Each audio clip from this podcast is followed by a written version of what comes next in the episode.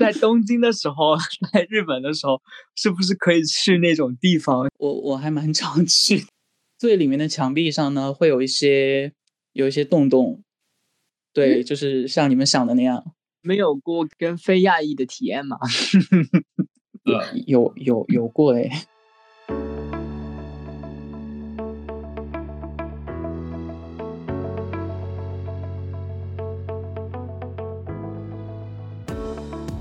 Hejsan! Välkommen till Gego FM. Du kan ha kol och tiden. Tack!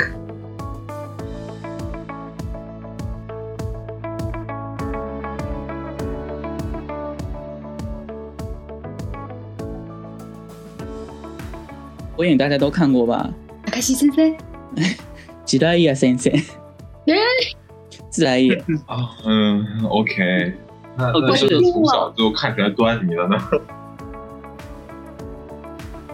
因为觉得，嗯，可能比起他这个人来说，《火影》这部作品真的是教会了我很多东西。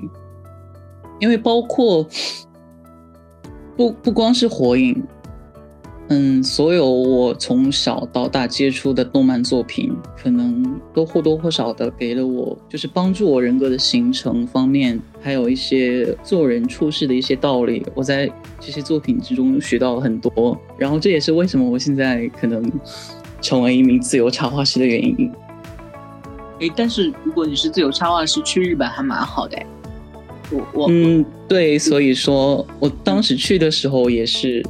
这个初衷，因为那边比较有市场，可能有比较有很多志同道合的伙伴，这样。哎，我们聊一点开心的吧。就是在在东京的时候，在日本的时候，是不是可以去那种地方？像我们看到的那个片子里面，可以给你按摩。然后你们很感兴趣，对不对？刚才在线下的时候，Broco 就一直在跟我讲这个问题。对，因为我看了很多那种片子，然后我觉得好容易啊。我不知道该从哪里开始讲。嗯，大家在潜意识中，整个东京区呢是有划分为三块地方。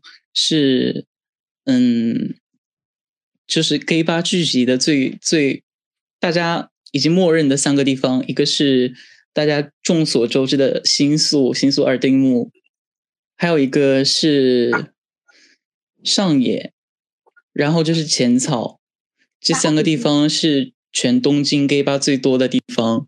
近两年新桥那边好像 gay 吧也蛮多的，但那个是后兴起来的，然后最。传统的应该就是新宿、上野和浅草，然后就先讲一下年轻人最多的地方，那就是新宿二丁目啊。哦，因为他们那边街区划分就是用一丁目、二丁目，二丁目是整个那条街，新宿的那条二丁目的那条街，它那一条街的话是从头到尾全部都是 gay 吧。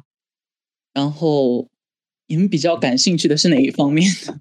就是就是就是很多片子啊，就是就是很多片子，然后它就像一个正常的，怎么讲？嗯，就是就是 不是按 摩吗？那我那我知道了，那我知道了，就是嗯，就在二丁目的拐角的一个地方，它是日本很有名的同志浴池、同志三温暖，它叫二十四会馆。你有去过吗？我我还蛮常去，它。最大的特点就是，嗯，它一楼玄关的地方，呃，不是一楼，它是二楼。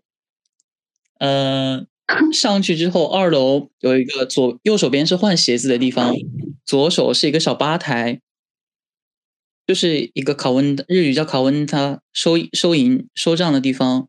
你换好自己的鞋子，然后拿着钥匙就去门口交费。交费之后呢，它的二楼是一个。洗浴有浴池，有淋浴，还有那个应该怎么说？就是做不是按摩，是就是做紫外线照射的一那个仪器，就是会把你的皮肤晒得黑黑的那个地方。最主要的就是它是一个浴池，还有浴池和淋浴的里面会有一些，还是一些淋浴。淋浴和汗蒸房。的讲一下你的体验。我我尽量争取用我的文字帮你们就是带你们一起去旅游一下，好吗？VR 电台。嗯，我就从换换好鞋子之后讲吧。刚一上到二楼，它右手边是两个澡池，嗯，左手边是一些可以坐着的淋浴，这是第一眼可以看到的东西。然后你再进去，里面还是会有很多淋浴，但是里面的淋浴呢？会有很多隔板，而且它开的是哑光灯，就很灰暗的那种感觉。哦，对，甚至最里面的墙壁上呢，会有一些有一些洞洞。对，就是像你们想的那样，有洞的。什么？鸟洞？对不起，我我我没有考虑兵的感受，我要跟你讲讲讲解一下。有有什么有有洞洞可还行？鸟洞。嗯，有一些人会把自己的大宝贝放进那个洞里，然后对面的人看到的人就可以随意的使用它。对，切掉，切掉，没有切掉这么夸张了。然后，如果洗过澡，洗过澡之后呢，咱们就可以上到三楼。三楼就是有很多没有开灯的小房间。那个房间里大概有十几二十个床位，哇！然后再往上走呢，可能就是一些嗯有有锁的小房间。没有，我刚才忘记讲了，其实那个那个地方有两层，不是三层，三层四层好像都有那个小房间啊，好像是这样。对，因为有的时候像周末之前没有疫情的话。人会很多，多到嗯，就是所有的床位都被躺满，结果还有有人没有床位这种情况。其实还嗯，二丁目的二四会馆其实欧洲人蛮常去的，然后再就是日本的一些小年轻人，但偶尔也会有一些就是本地的 uncle 会去，对，但是还是年轻人和一些嗯比较时尚的中年人会去这样。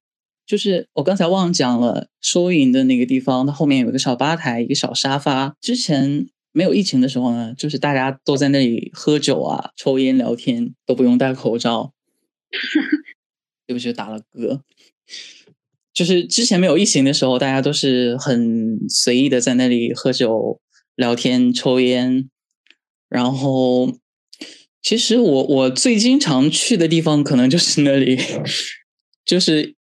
嗯，比如说我前一天晚上在二丁目喝酒喝太多了，我又不想回家。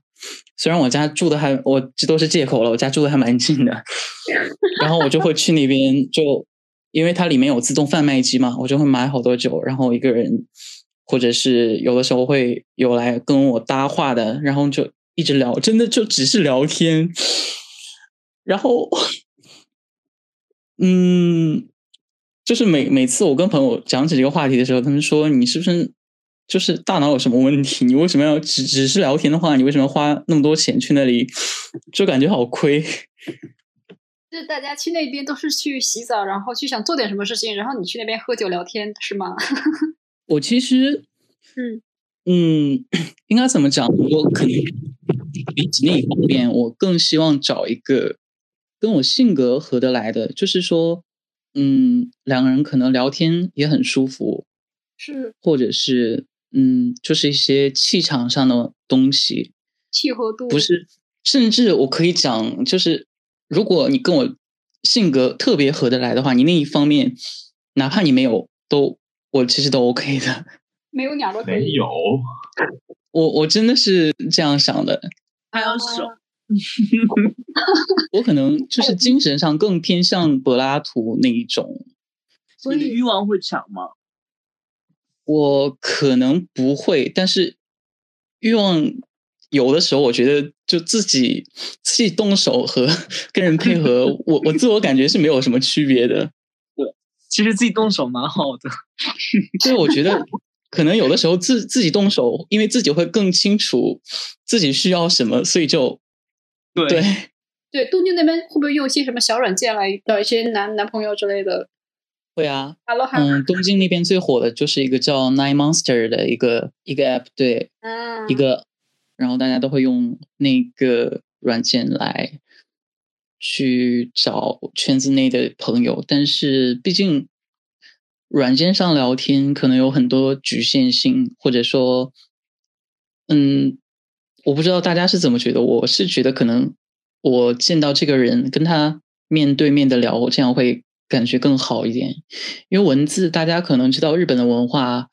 嗯，就是很习惯性的对人都很客气，或者是说敬语会很容易给你造成一种错觉，就是说可能呃，好像每一个人都很好这样的感觉。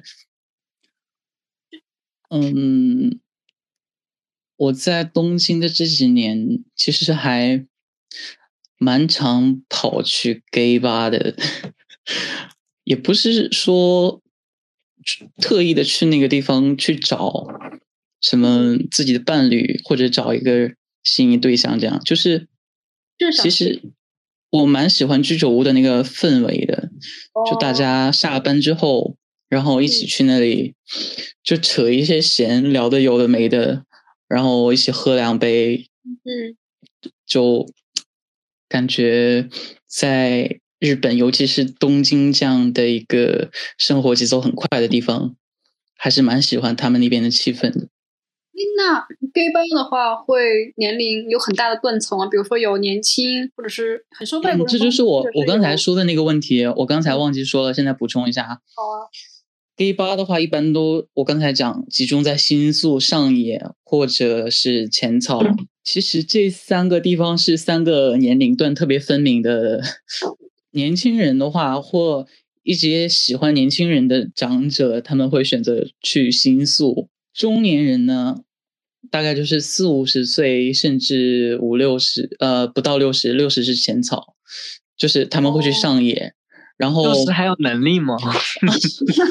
我我我这个不太清楚，但是浅草的话，它确实是一些阿伯会去的，对，就是你们想象的那种。其实日本老年人他们身体素质还蛮好的，嗯，可能会在马路上见到很多呃六七十岁的，然后你看他们精神状态，其实都还跟国内比起好很多。这样，上野对的，就是我家的那一站。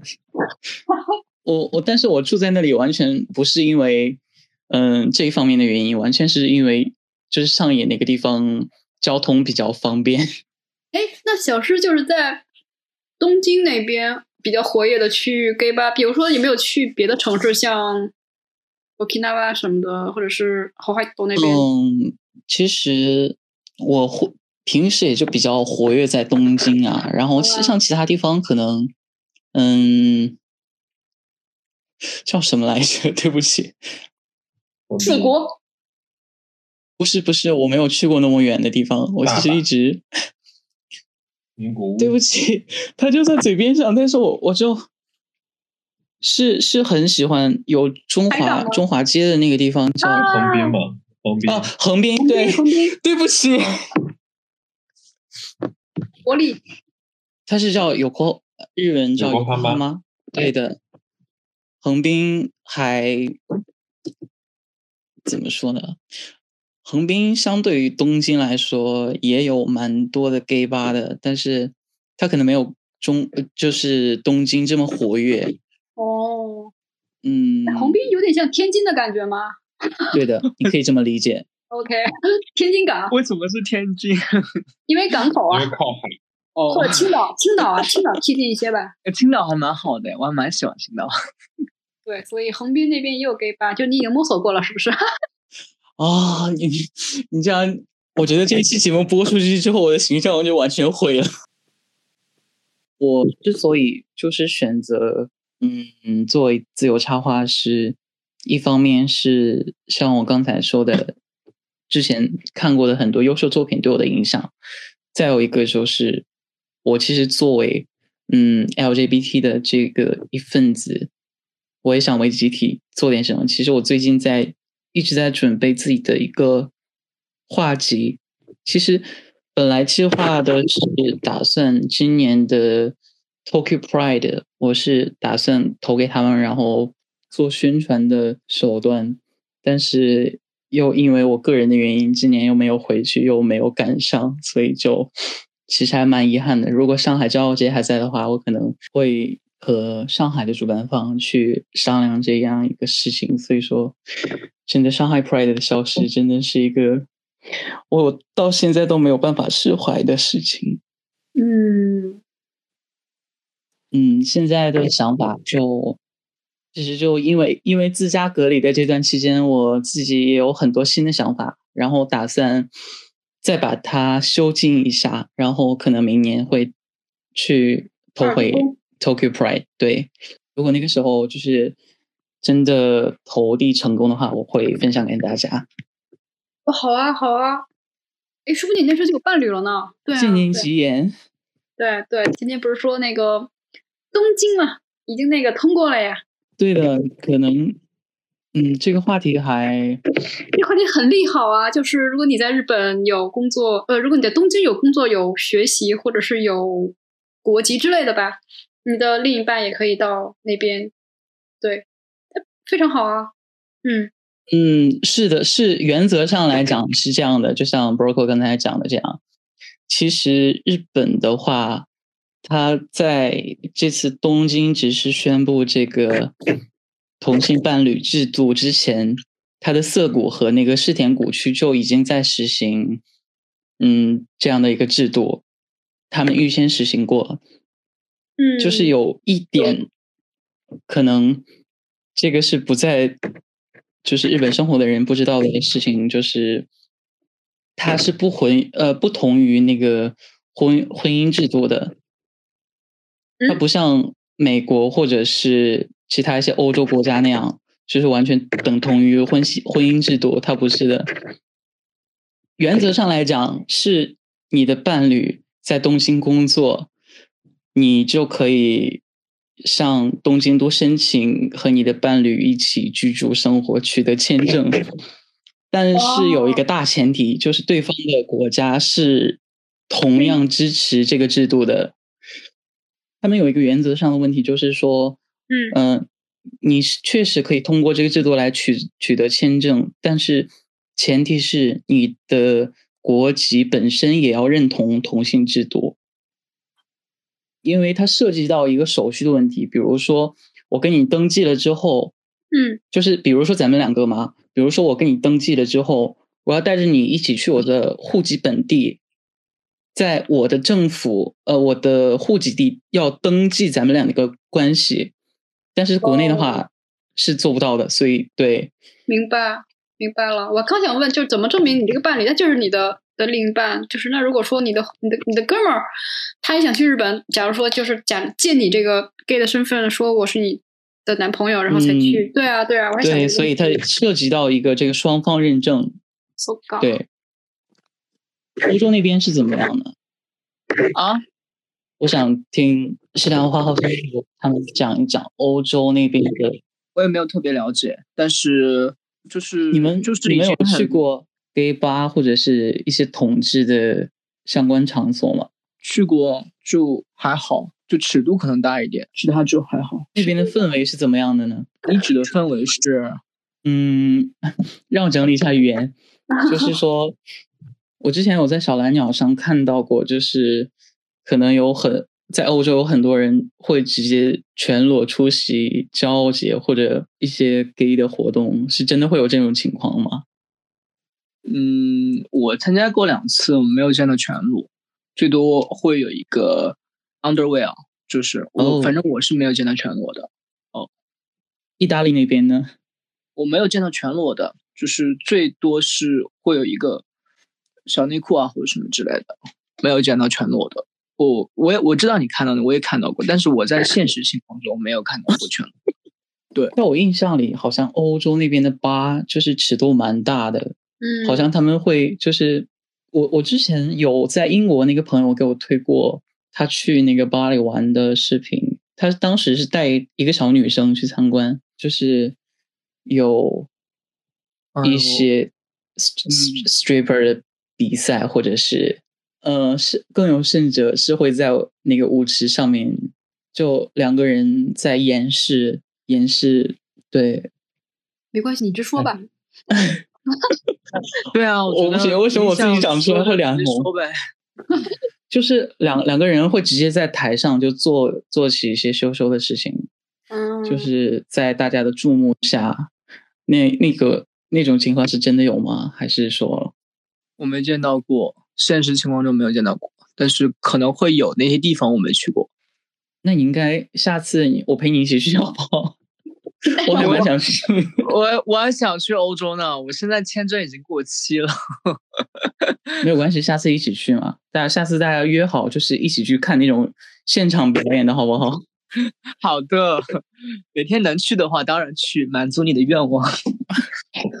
小智那边就你有没有在那边认识 lesbian 什么的，或者是双，或者是跨？对我我其实身边就是像 Broco 这种 lesbian 的朋友还蛮多，但是嗯，我没有什么 gay 的朋友哎。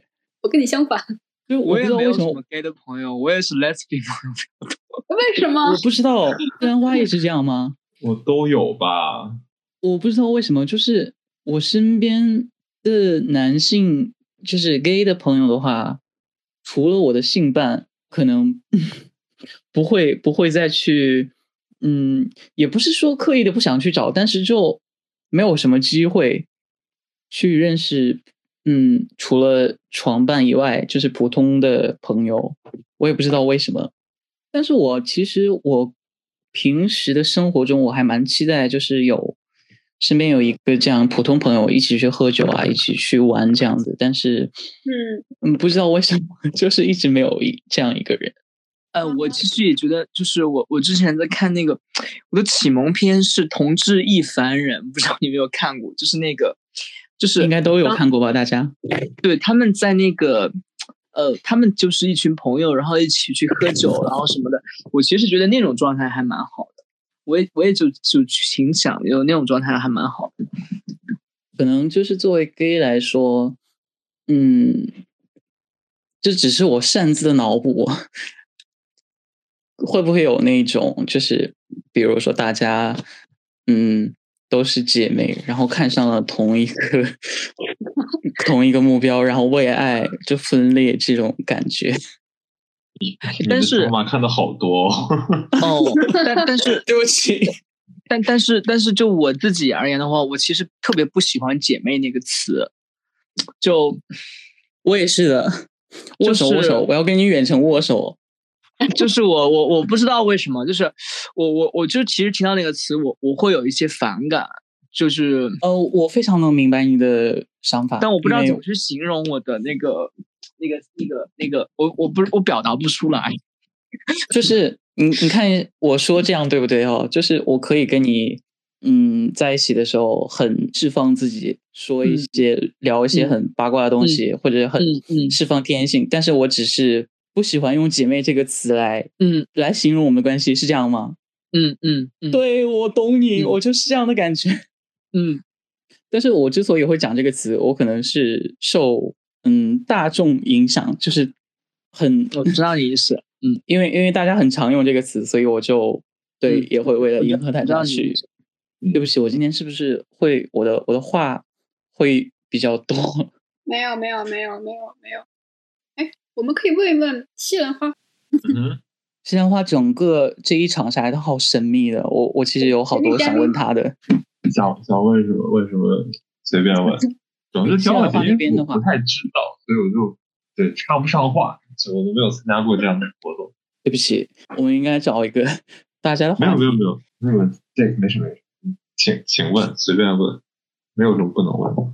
西兰花那边，那你们那边是瑞典那边对 gay 的包容程度是怎么样的呢？合法化呀，对我我知道，对啊，就是会在马路上很平时平常的见到两个同性伴侣牵手走在一起的这种，嗯，还蛮常见的。就有一次，我记得我那一天好像眼睛就看到了三对儿，好羡慕哦。是真的。Broco，咱们要不然一咱们大家一起去瑞，可以，我们我们集体去北欧。一起去北欧还蛮好的。哎，Broco 就哦不是那个西兰花，我记得之前那个群里好像有个男生也是在瑞典还是哪里读书的。就是他吧？念文学还是什么的啊？就是你吗？我不是念文学的。文学，瑞典有吗？我只那个什么，我不知道有来瑞典的。我我看一下，没事，你们先聊，我看一下那个群，我就知道。哎，那西兰花在那边，你是自己住吗？还是跟室友一起合租？我自己住。哦，哎，有没有想过，就是考虑找一个嗯室友？嗯，你说的室友是真室友还是什么？还是说有别的意思？他问的意思可能是直接想问你，就是有没有想过找圈子里的室友？圈子啊，我还好哎，就是如果就比如说要和别人合租的话，我觉得更多的还是看生活习惯方面契不契合吧。就是你，我不会太拘拘泥于就是取向这方面，就会说啊，我一定要找一个 gay 室友，或者我一定要找一个半室友，或者我一定要找一个直室友，这个。对，我觉得更多的还是生活方面。嗯，不，你可能没有理解我刚才说的概念，就是因为现在国内很习惯把自己的男朋友或者是住在一起的那个床伴，他们习习惯性的戏称他为室友。你说审核就是审核能过？对不起，嗯，不知道哎，就是因为现在有一个情况，就是可能会和一个人合租，但是嗯，还要再看。对，这也是个问题。所以就是像两位去过欧洲的朋友，你们是在选择伴侣的这一方面，你们更偏好于欧洲人吗？或者说还是亚洲人？也就是在人种方面，你们会只是考虑国人吗？还是欧洲人也可以？我我都可以吧，我觉得我都可以接受，因为有像圈子里会有一些人，他会。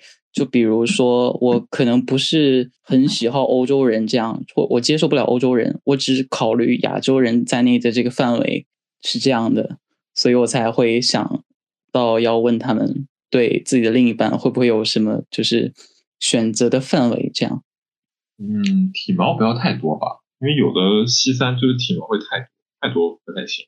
嗯，I know。你们有你们有过跟跟非亚裔的体验吗？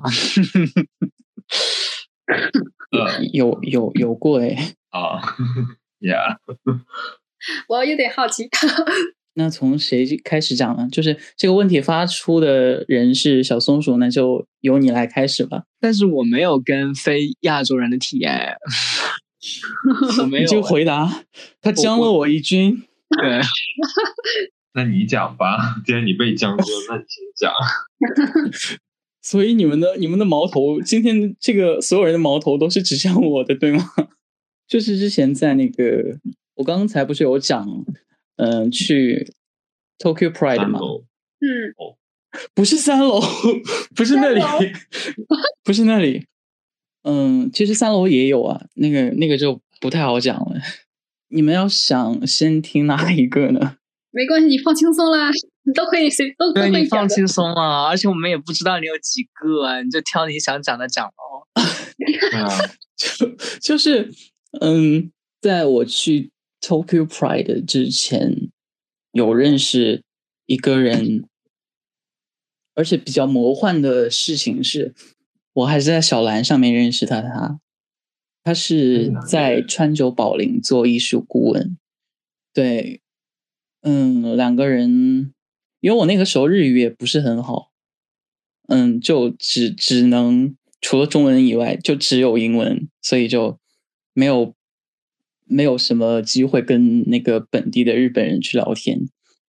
然后那个时候就跟他还蛮聊得来的，就只能说还蛮 聊得来的。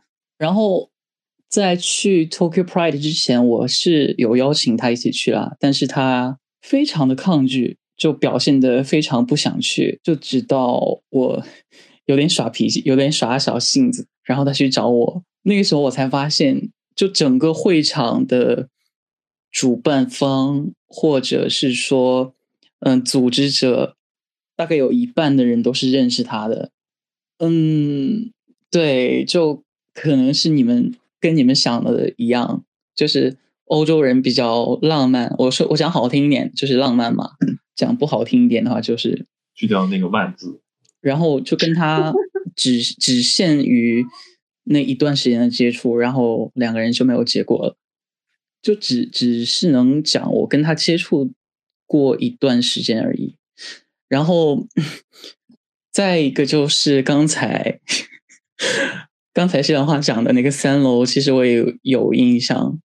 嗯，我那个时候日语已经没有问题，但是新宿的那个同志浴池会偶尔有欧洲欧洲人去。然后他们的日语又不是很好，就是孤零零的坐在那儿，感觉又没有人跟他们聊天，这样就看起来好可怜。嗯，就是我就会跟他们就就就聊天，就是聊一些有的没的，然后就认识了第二个人。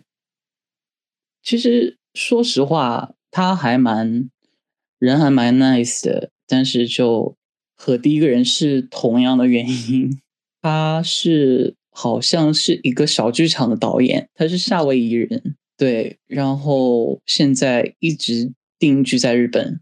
其实我跟他相处的过程中，两个人还蛮舒服的。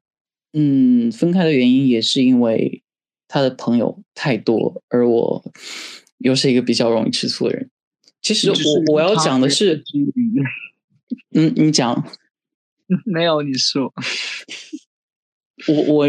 有一个很不理解的事情，就是他在日本的一个还算比较偏的一个地方买了房子，是他自己买的。但是他有一个室友，他的室友同样也是圈子内的人，是一个韩国人。嗯，就还蛮尴尬的，你知道吗？我有确认过，就是说他们两个是不是这种关系？他室友也明确表达了，嗯。他们不是这样的一个关系，但是可能是因为我自己个人的内心在作祟，我最终还是就没有再联系他了。就这样，我想问一下你们：你们觉得，当你有了嗯，就是名义上在交往的对象的时候，你还会跟圈子里的人就是住在一起嘛？你们会维持这种关系吗？每个人都不一样的，是。对，我明白，但是我可能还是接受不太了这样的，我不知道该怎么讲。其实，就是看整个这个过程很诡异，你懂吗？呃，处在一段关系里吗？还是说只是说单方面的认为？没有，是因为我去他家，包括嗯，他也把我介绍给他姐姐。他他不仅是和他那个韩国人室友住在一起，呃，让我整理一下思路。嗯，他那个韩国人室友是 A，嗯，他有一个哥哥，他哥哥和我就是认识的那个人，他的姐姐在一起，然后真正导致就是我觉得可能没有跟他办法再继续接触下去的原因，是一次就是家庭派对，他把我和很多人就是圈子里的朋友，一些很年轻很 nice 的一些。小鲜肉叫到一起去吃饭，嗯，然后就是那一天喝的也是有一点多了，嗯，在他要送走那个那另一个年轻人的时候，虽然我是背对着他，但是我听得很清楚，他们两个人在亲在了一起。我不知道应该说欧洲人天性都很浪漫，还是说只是我遇到的人比较这样。嗯，就是，但是你们。所以你们有没有有没有在一起哦？所以也是很就，因为我跟他也是在那个统治鱼池遇到的嘛。嗯，我现在当时的我可能没有那么多顾虑，但是现在再让我选择的话，我可能不会去同治浴池去寻找一个伴侣，他只能说是一个一个相识，或者是说你们聊得来这样的感觉。我觉得。在那个地方找伴侣还是不是很现实，就不太靠谱，是吧？对，大家报的目的都只有就那个那个东西，睡觉，然后新鲜感过了之后就就换人。对，明白，明白，明白的意思。嗯，可能真的是我自己的一些问题。我不是说消极，而是说我现在开始有一点一点在反省，是不是我嗯再去找。自己的另一半的时候也会有一些选择性的问题，我是在很认真的反省，不是说对。我是觉得你先得学会爱自己，才能就是找到一个合适你的人。跟人跟每个人都不一样，就是如果在每一段关系中，你都尽力去规避掉你一些不好的东西，或者尽力去呈现你好的一面，或者说你去妥协一些东西，那其实其实这段关系就是就是他就他他就会。不会是你预想中的那样，就是，所以你你得你得知道有道理，就是你得爱上你自己本来原本的样子，然后，那在这个过程之中，你就以你原本的样子，如果说有合适的碰到了，就像就是咱们那个故事上一期的那个故事一样，就会有一个比较好的结局。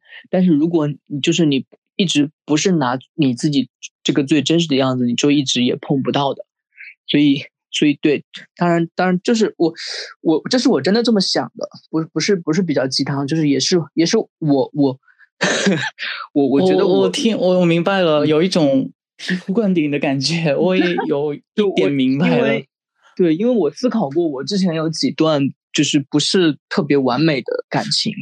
然后呢？现在是小松鼠的故事时间，让我们掌声欢迎。哦，没，就是我就思考过，就是我有几段不是特别完，就是不好的那个感情嘛。然后我会发现，就是一方要不就是我对对方的，就是那个期待太多。比方说，我觉得他应该是什么样，应该是什么，在那一段关系中。嗯，就是如果他没有那些没有满足我期望中的那些东西，我就会有失落感，然后这份感情他也能感受到嘛，然后就会感情会有一些问题。要不就是我对他的感情很重，然后我把我觉得我在某些侧面上不是很好，我会刻意去隐藏，然后呢，这个感情到慢慢的也会变质。就是我其实也有过这样的想法，我一直觉得为什么就是会发生这些问题，然后。就我自己，这是我这这是刚才那个是我自己思考之后我自己想到的，对，嗯，好吧，我今天好想听一下那个西兰花和小松鼠你们的你们之前的故事。我都已经两年了，我我都 我都忘了，我已经忘去了吗？好，那对不起，那我我们就不谈那些伤心事了，有开心有不开心吧。嗯，你你你问问西兰花吧，让西兰花 聊一聊她的感情故事。有请神秘人西兰花。就是我一共就谈过三段，对，然后呃，第一段久一点，第一段大概将近四年吧，差不多。然后第二段大概一个多月，呃，第三段大概是五个多月，对，差不多。然后就单身到。单身了大概一年半，差不多。我好想听一下你们故事里的细节，但是如如果你们比较介意的话，或者是不知道就是 该从哪里讲的话，那那就我其实对我自己的定义会败一点。嗯，就是因为我对女生的感觉怎么说呢？就是你像我，我是初中、高中时候我是喜欢女生的，然后。我大学之后，然后认识我第一任，对，然后在一起，在一起了几年，对，然后第二任、第三任，但是我对女，我现在对女生的感觉就是，嗯，不会说厌女或者怎样，我觉得，对，有些女生也，对啊，就就挺好的，也棒，然后也会感觉，哎，和这个女生，就是如果 dating 的话，感觉应该也蛮有趣的。对，就会有这样的想法，就是不会说彻底说啊不行，女的我绝对不行，对对对对，就不是这样。就是最主要的还是找一个契合的、契合的灵魂，对不对？就是找一个就是一起就相一起相处的时候都非常舒服的一个人。对，就是这个对我来说还蛮重要的，因为我比我觉得我比较有边界感，然后我就我是怎么说？如果我比如我和我的室友住一起，我是一定要有自己的个人空间的。对，就就就是，比如说可能每隔一段时间，也不是每隔一段，就比如每周吧，每周可能有那么半天或者几个小时，这种我是比较想独处的，就类似这样。所以我觉得能找能找一个比较在这方面比较契合的人也挺好的。我很理解。对，对，然后别的，对，主要还是在一起舒服，这个就是非常对我来说非常重要的。我现在也是奔着这个想法找的，就尽可能找一个哎相对比较舒服的人这样。其实我还蛮想去瑞典的，我到现在都还没去过欧洲。可以来转一转，嗯，也挺有意思。尤其是在你刚才讲过，就是城市的包容性那么强，马路上随处可见就是同性情侣在一起牵着手走。我不知道我自己就是有会有一种这样执念，就是说我如果有我对有有了有了对象，有了自己的另一半，我我还蛮想跟他牵着手，就是 走在阳光下的这种感觉。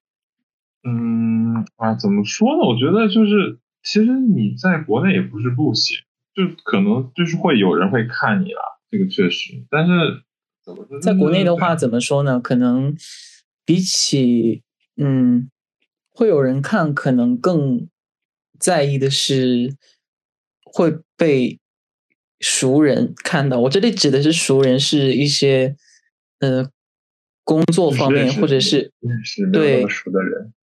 他会很涉及涉及到一些很直接的利益影响，国内可能更呃更多的是在的这这一些地方，他不是说被认识的人看到或者是怎么样，可能更多的是就是会影响到自己自身的一些相关利益，我觉得是这样。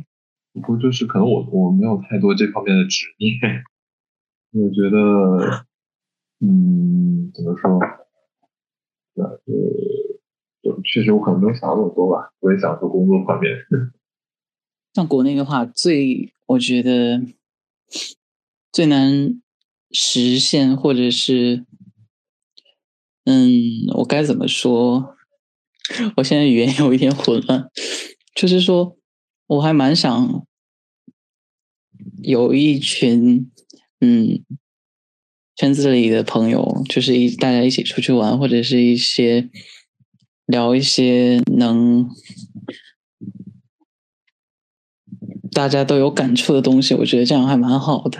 那你身边的朋友会就是圈子的里的人比较多吗？还是说都有吧？呃，但是我的嗯，你有公开跟他们表示说自己自己是 bisexual 这样？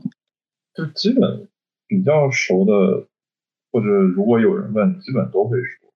像我最近，呃，就最近也说了几次，就还好。我因为我对这个事情没有说太有有有什么不能讲的或者怎样，我觉得还好啊。就如果他如果这个人他跟我关系还可以，如果他问了我呢，那我就讲了，也没有什么。嗯，呃，蛮好的。而且我觉得，嗯，怎么说呢？嗯，就是有的时候我没有把他太当回事儿，不知道能不能 get 到，就是就是我不会觉得说它它对我来说是个很特殊的事儿，就是没有必要去单独去强调它是这样的感觉吗？对，就是就是我会觉得它它就是你的一个特点，对吧？你你这个人，哎，你这个人喜欢。喜欢吃芒果，你这个人不喜欢吃芒果。然后你这个人他喜欢男生女生，你这个人他谁都不喜欢，无性恋，或者说他喜欢男生喜欢女生，我觉得就是它的特点的一部分。我觉得有的时候我就不会说，嗯，很想要去强调什么东西。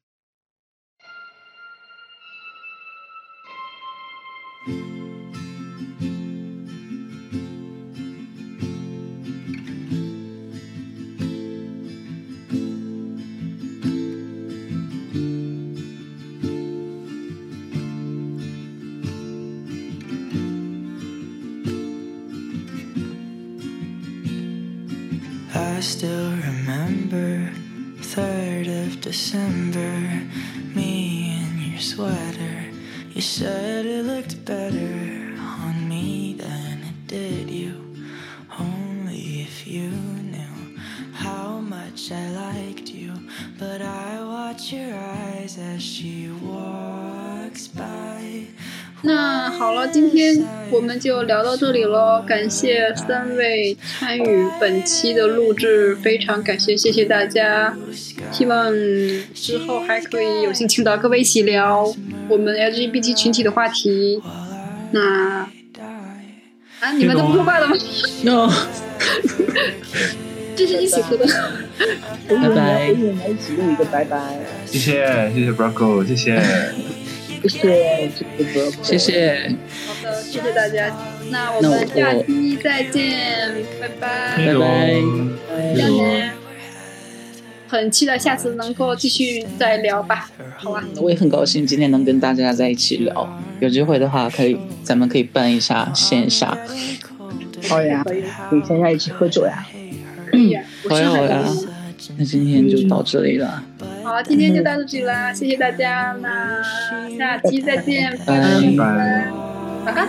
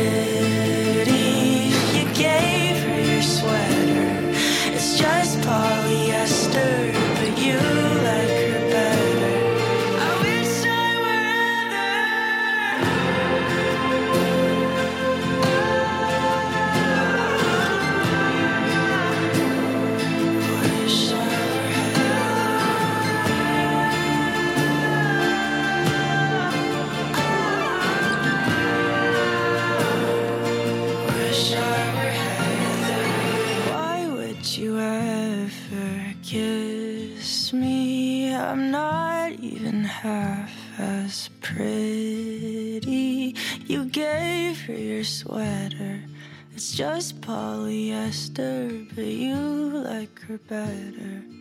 Wish I were